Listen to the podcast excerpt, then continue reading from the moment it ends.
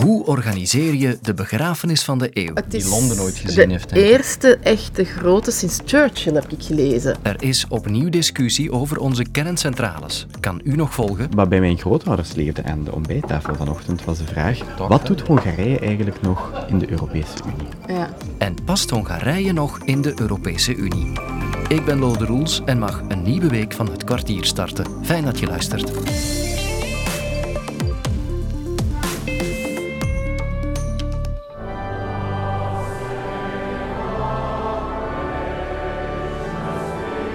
Gather from across the nation to mourn our loss, to remember her long life of selfless service. The Father, the Son, and the Holy Spirit. De begrafenis van de eeuw wordt er nu al gezegd, terwijl de eeuw nog relatief jong is natuurlijk. Maar goed, het is duidelijk dat voor de uitvaart van de Queen alle superlatieven uit de kast komen.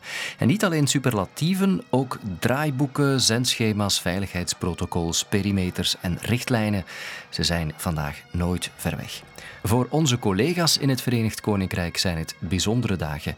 Ivan Olivier en Katrien van der Schoot beleven er hun afspraak met de geschiedenis. Katrien is hier. Ik ga ze even doorgeven. Klein beetje fris nog, maar eh, fijn, heel fijn. Ja, goedemiddag. Onvoorstelbaar. Dit heb ik nog nooit meegemaakt. Het is voor het eerst dat er zo'n gemediatiseerde staatsbegrafenis plaatsvindt hier in het Verenigd Koninkrijk. Als ik rond me kijk, ja, dan zie je overal sluipschutters op de daken. Je kunt geen 50 meter stappen zonder tegen een politieagent aan te botsen. Alles verloopt hier heel eh, gedisciplineerd. En wat me ook opvalt, de politie en de andere ordendiensten zijn zeer vriendelijk. En dat helpt toch ook wel mee om dat gebeuren allemaal in alle kalmte en rust te laten verlopen. ik heb speciaal een jas, een, een, een zwart pak gaan kopen omdat de Buckingham Palace erop staat dat iedereen hier in het zwart gekleed loopt. Ik had een donkerblauwe jas, omdat ik dacht van ja, dat zal wel voldoende zijn, dat zal ook wel goed genoeg zijn. Maar één keer dat je hier staat, je wilt toch ook niet diegene zijn die alleen in het blauw gekleed is. Ja, begin er maar eens aan, aan zo'n begrafenis van de eeuw. Het is toch wat anders dan de doorsnee uitvaartplechtigheid in een parochiekerk ergens in Vlaanderen. Het gebeurt natuurlijk ook niet elke dag. En in ons land moet ik al teruggaan tot 1993. De begrafenis van koning Boudewijn was dat toen om een evenement van die allure en schaal te vinden. Hoop doet leven. Je gaat door zolang je kan. Ja, die begrafenis toen van koning Boudewijn, dat moet ook een gigantische operatie geweest zijn. En dus zochten wij iemand die het toen allemaal van dichtbij heeft meegemaakt. Ja, ik heb hier wel nog een tip van collega Ivan de Vadder gezien. In 1993 was er blijkbaar geen scenario voor die begrafenis van Boudewijn. Was Louis Tobac toen geen uh, minister van Binnenlandse Zaken? Ja, ja, dat is juist. Dat was Tobac, Tobac. Anders Ja. Tobac eens proberen. Zou dat lukken? Ja. Hallo. Hoe je daaraan begint, eh, ja, ik zat klaar om op vakantie te vertrekken. Ik was mijn laatste papiertjes aan het opruimen. In Brussel lag er al sinds niks klaar. Hè. Het enige vergelijkingspunt dat we hadden was meer dan 60 jaar oud, namelijk koning Albert I in de jaren 30. Ja. Wij hebben toen bij Jean-Luc Dehaene de staatsbladen van 1930 boven gehaald. En daar was dan wel een richtlijn die kon dienen voor wat, wat we gingen doen. Het was op vele gebieden improvisatie. De keizer van Japan was toen ook eh, voor de eerste keer buiten gehaald. Als ik het mij goed herinner, die kwamen daar dan met twee boeiings toe op Melsbroek. En daarmee stond Melsbroek dan ongeveer vol. En dergelijke dingen meer. Dus men moest dat allemaal de baas raken.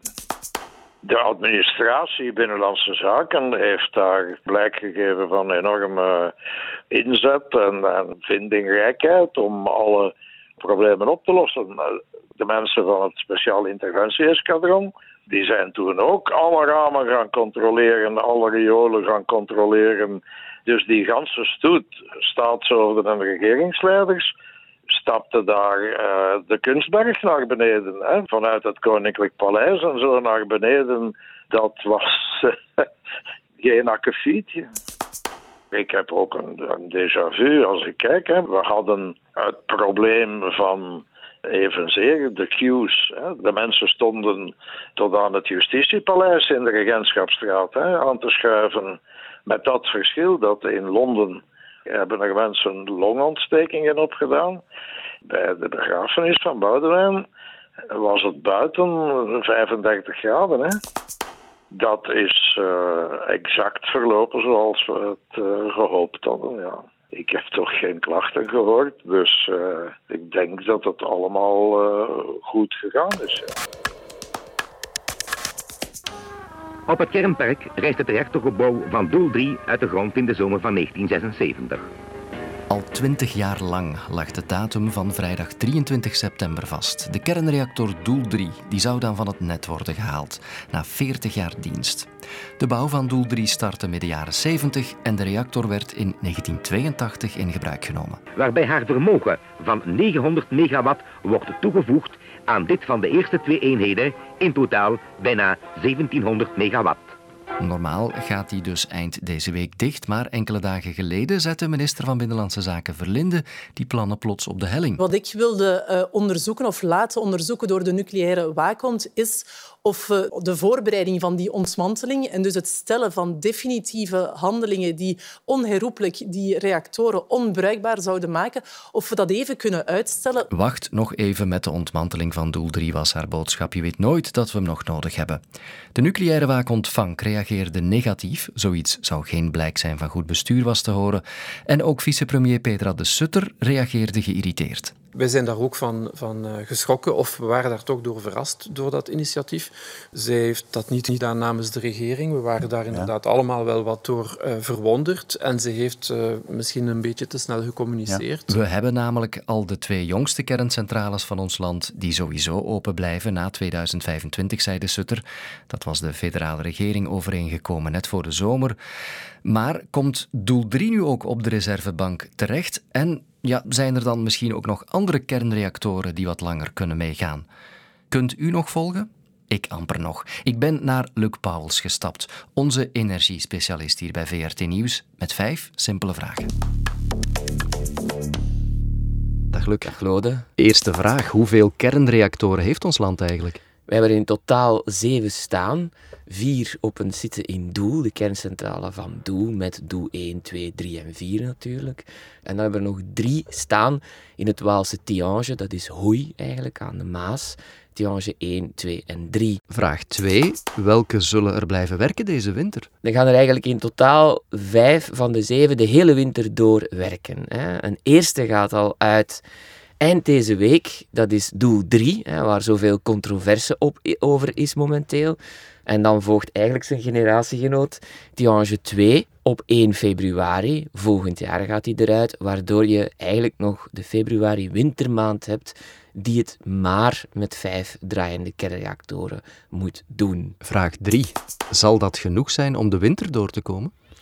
Dat geloof ik wel. Het is zo, dus het uitleggen van Doel 3 en Tiange 2 is al jaren op voorhand voorzien. Dus de producent, in dit geval Engie Electrabel, die moet vervangende capaciteit voorzien. Dat zijn meestal gasgestookte elektriciteitscentrales die ze nog staan hebben. Er staan er behoorlijk wat in ons land, maar die draaien niet op volle kracht. Die gaan dus gewoon wat meer moeten draaien tijdens de winter om de uitstap van Doe 3 en Tiange 2 op te vangen. Mogelijk gaan ze ook wat meer stroom importeren uit het buitenland, maar normaal gezien mag dat geen probleem zijn. Vraag 4. Welke reactoren zullen er op termijn na 2025 nog blijven werken? Uh, dat zijn er twee, waar de regering heel recent een akkoord heeft over bereikt. Want normaal gezien ging in 2025 het hele nucleaire park eruit. Dat momenteel, hou je vast, meer dan de helft van onze elektriciteit produceert.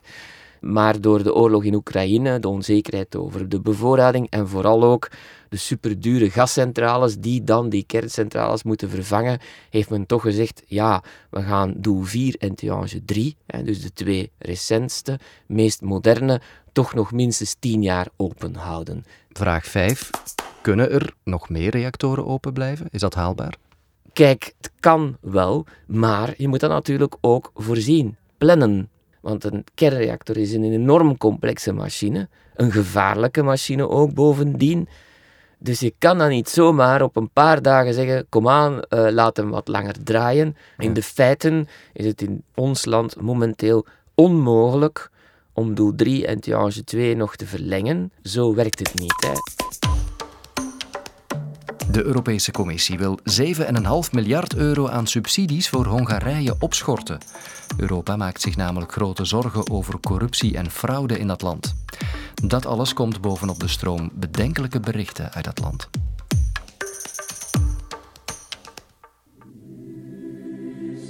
In Hongarije worden de regels rond abortus aangescherpt.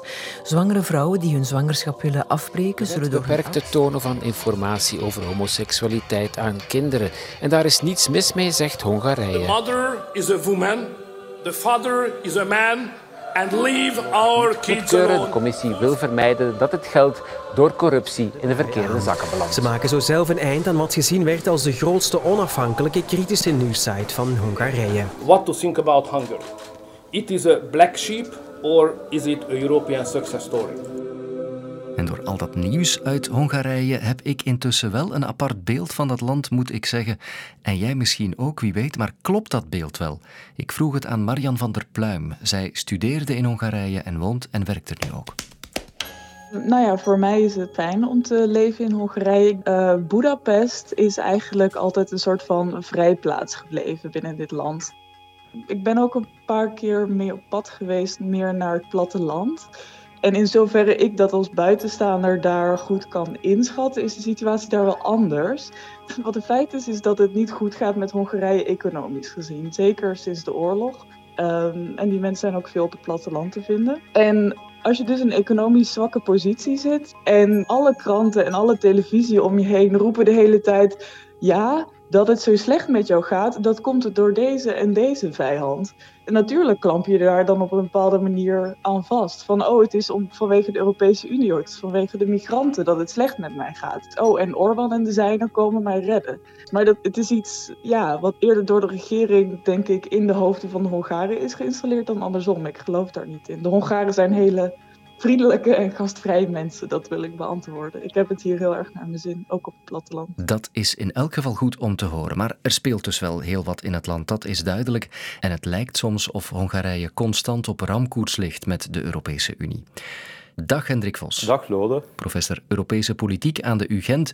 Hoe kijkt u daarnaar? Past Hongarije nog wel in de Europese Unie? Ja, dat is een moeilijke vraag. Hè. De, de, Europese Unie dat is een club landen die samen regels maken. En Hongarije probeert die regels uit te hollen. Hè. Rechters zijn daar niet meer onafhankelijk, diversiteit wordt teruggeschroefd. En ja, dat maakt het voor andere landen wel lastig om met Hongarije nog afspraken te maken in die Europese Unie. Ja, welke voordelen heeft Hongarije om lid te blijven van de Europese Unie? Voor Hongarije is uh, de Europese Unie een belangrijke afzetmarkt. En Hongarije krijgt ook veel Europese subsidies. Hè. Dus ja, als Hongarije geen lid meer zou zijn, dan zouden zij miljarden verliezen in één keer.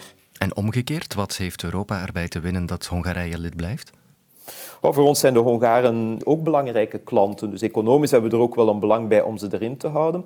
Maar daarnaast speelt ook wel iets. Uh, ja, wat meer geopolitiek. En, en, en dat klinkt een beetje als een zwaktebod. Hè? Maar stel dat we Hongarije niet meer in de Europese Unie zouden hebben, dan wordt het helemaal een ongeleid projectiel. Dan hoeft de Hongaarse leider Viktor Orbán zich ook niet meer in te houden om de agenda van de Russen na te streven. En ja, hebben we daar dan belang bij? Hmm. Wat doet Europa op dit ogenblik al om Hongarije ter verantwoording te roepen of in de lijn proberen te houden? Er wordt nu gesproken over financiële sancties, maar het is, het is typisch Europees, Lode. Dat is zo altijd de, de zachte aanpak. Hè. Tijd geven, uh, nooit een atoombom gooien. Dus ik wil het nog zien of we effectief zullen overgaan tot het inhouden van miljarden euro.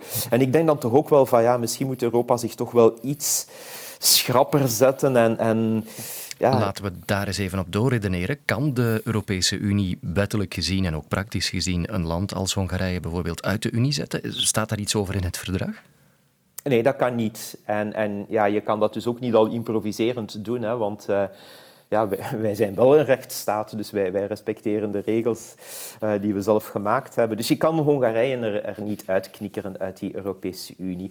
En, en daarom is het zo belangrijk dat je dus wel werk moet maken van, van sancties. En ja, daarbuiten, het, het klinkt niet populair, hè, maar toch, regimes moet je soms uitzweten. Ehm, de geschiedenis toont aan dat het, ja, dat het zo soms gaat en dat je erop zal moeten rekenen dat op een dag ook de Hongaren zelf wel genoeg zullen hebben van hun huidige regering en, en dat er een, eh, een regimewissel komt. En ja, intussen tijd ja, moet je zorgen dat je als Europese Unie wel blijft benadrukken dat een regering er niet zomaar mee wegkomt met het op stand-by zetten van de rechtsstaat.